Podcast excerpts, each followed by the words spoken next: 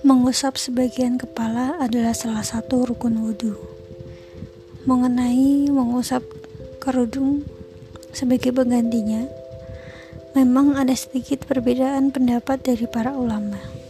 Mayoritas ulama fikih berpendapat bahwa mengusap kerudung saja tidak akan cukup memenuhi rukun wudhu jika tidak disertai basahannya sebagian rambut atau kulit kepala.